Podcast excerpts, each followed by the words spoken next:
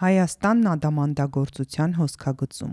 Նորանկախ Հայաստանի իշխանությունները մշտապես շեշտել են ադամանդագործության կարևորությունը որպես տնտեսության ազդեցիկ ճյուղերից մեկը, եւ չնայած որոշակի վայրիվերումներին, ադամանդագործությունը իսկապես կարելի է Հայաստանում արդյունաբերական կայացած ճյուղ համարել։ Դա է վկայում վերջին տարիներին արձանագրված ինչպես արտադրության ու մշակման, այնպես էլ արտաքին առևտրաշրջանառության ծավալների աճը։ Մշակումն ու արտադրությունը Հայաստանի վիճակագրական կոմիտեի տվյալներով, եթե մինչև 2010-15 թվականների երկրում տարեկան մշակվում էր միջինում 60-ից 80 հազար կարատ ադամանդ,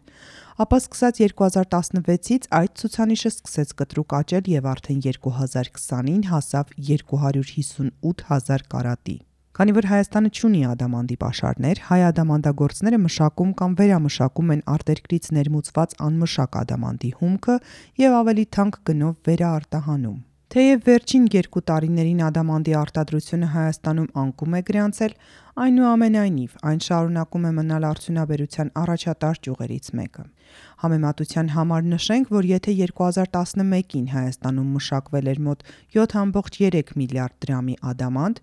ապա արդեն 2022-ին ադամանդի մշակման ծավալները հասան 37.3 միլիարդ դրամի։ Սակայն, ինչպես արդեն նշվեց, վերջին երկու տարիներին այս ոլորտում անկում է նկատվում։ Օրինակ, 2018-ին Հայաստանում մշակվել էր մոտ 49 միլիարդ դրամի ադամանդ։ Ադամանդագործության ոլորտում նկատվող անկման ցուցիչներից մեկն էլ դրա մշակմամբ զբաղվող ձեռնարկությունների թիվն է, որը վերջին տարիներին շարունակաբար նվազում է։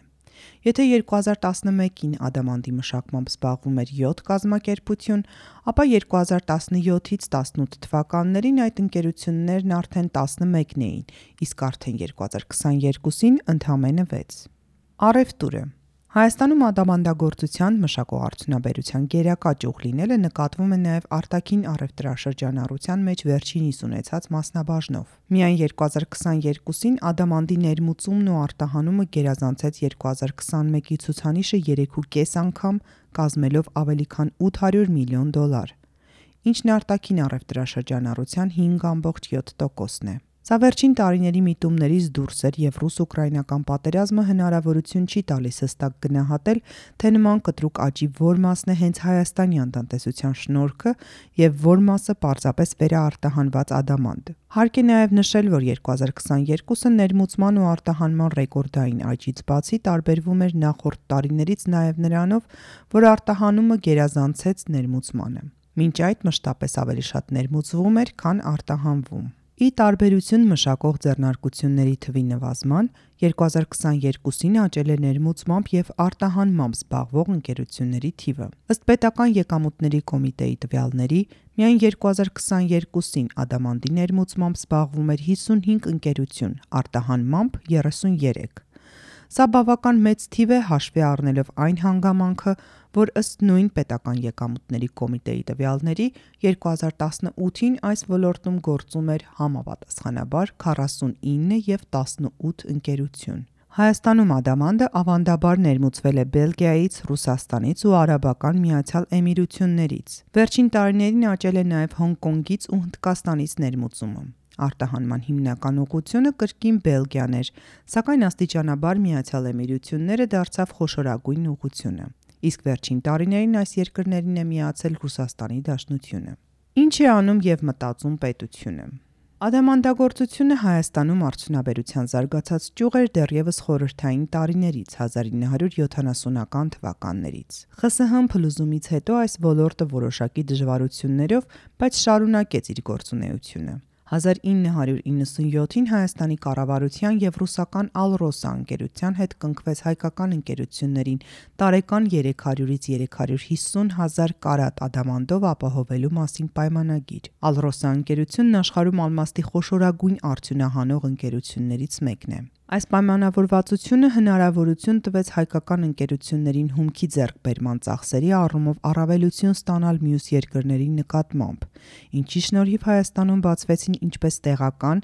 այնպես էլ համաշխարհային խոշոր ընկերություններ։ Վերջիններս հնարավորություն ստացան Հայաստանում գործունեություն ծավալելու միջոցով արտոնյալ պայմաններով ձեռք բերել ռուսական հումք։ Այդ տարիներին Հայաստան մտան մի շարք խոշոր ընկերություններ։ Իսկ արդեն 2002-ին Հայաստանում ադամանդագործությունը հասավ իր զարգացման գագաթնակետին՝ 370 հազար կարատ մշակված ադամանդ։ Սակայն այդ տարի դադարեցվեց Ալրոսը ընկերության հետ պայմանագիրը եւ աստիճանաբար այս ոլորտը սկսեց անկում գրանցել։ Տնտեսական ճգնաժամը բացասական ազդեց պերճանքի առարկաների պահանջարկի վրա, նվազեցնելով նաեւ մշակված ադամանդի պահանջարկը։ Արդեն 2009-ին մշակված ադամանդի ծավալները կրճատվեցին 2002-ի համեմատ 7.4 անգամ դառնալով 50 հազար կարատ։ Տնտեսական ճգնաժամից հետո ադամանդագործությունը սկսեց նոր վերել կապրել։ Դրան նպաստեց նաև պետության կողմից ոլորտի ազատականացված լինելը, ավելացված արժեքի հարկից եւ ներմուծման ու արտահանման մաքսատուրքերից ազատում։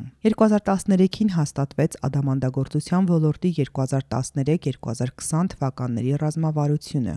որը նոր խթան հանդիսացավ ոլորտի զարգացման համար եւ ինչպես նշեցինք, արդեն 2020-ին մշակման ծավալները հասան 258000 կարատի։ Նոր կառավարությունն ադամանդագործությունն ու ոսկերչությունը հայտարարել է արդյունաբերության գերակա 5 ճյուղերից մեկը, Դա իր արտացոլումն է գտել նաև կառավարության 2021-26 թվականների գործունեության միջոցառումների ծրագրում։ Պետության կողմից ամենանշանակալից քայլը ոլորտի զարգացման հարցում եղավ 2021-ի դեկտեմբերին, երբ կառավարության որոշմամբ ստեղծվեց Հայ Ալմաստ փակbaşնետիրական ընկերությունը։ Կառավարությունը սա հիմնավորում էր նրանով, որ ռուսական Alrosa ընկերությունը հումքը վաճառում է բացառապես խոշոր ընկերություններին երկարաժամկետ պայմանագրերի հիման վրա, յուրաքանչյուր ամիս որոշակի քանակով հումք ձեռք բերելու պայմանավորվածությամբ, իսկ Հայաստանի ձեռնարկություններն առանձին առանձին ի վիճակի չեն սահմանված քանակությամբ հումք ձեռք բերել եւ ըստ էության զրկված են Ալրոսայից արդյունավետ հումք ներմուծելու հնարավորությունից։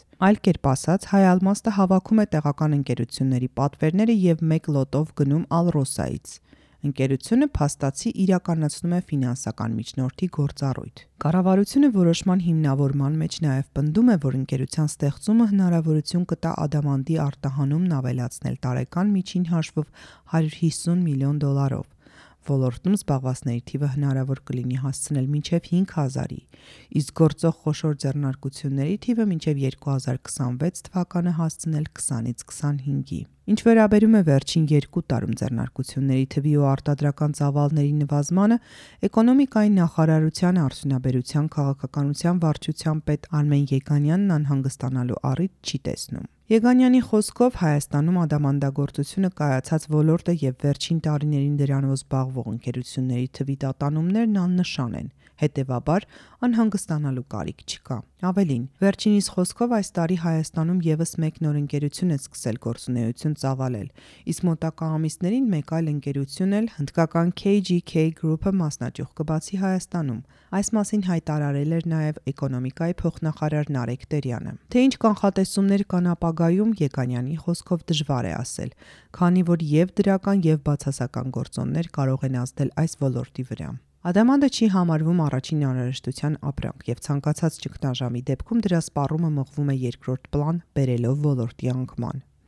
Սակայն նույն ճգնաժամային իրավիճակներում ադամանդը որոշ մարդկանց մոտ ակտիվների ապահով պահպանման միջոց է դիտարկվում եւ այդ տեսանկյունից կարող են ադամանդի սպառման ծավալները աճել կամ գոնե չնվազել։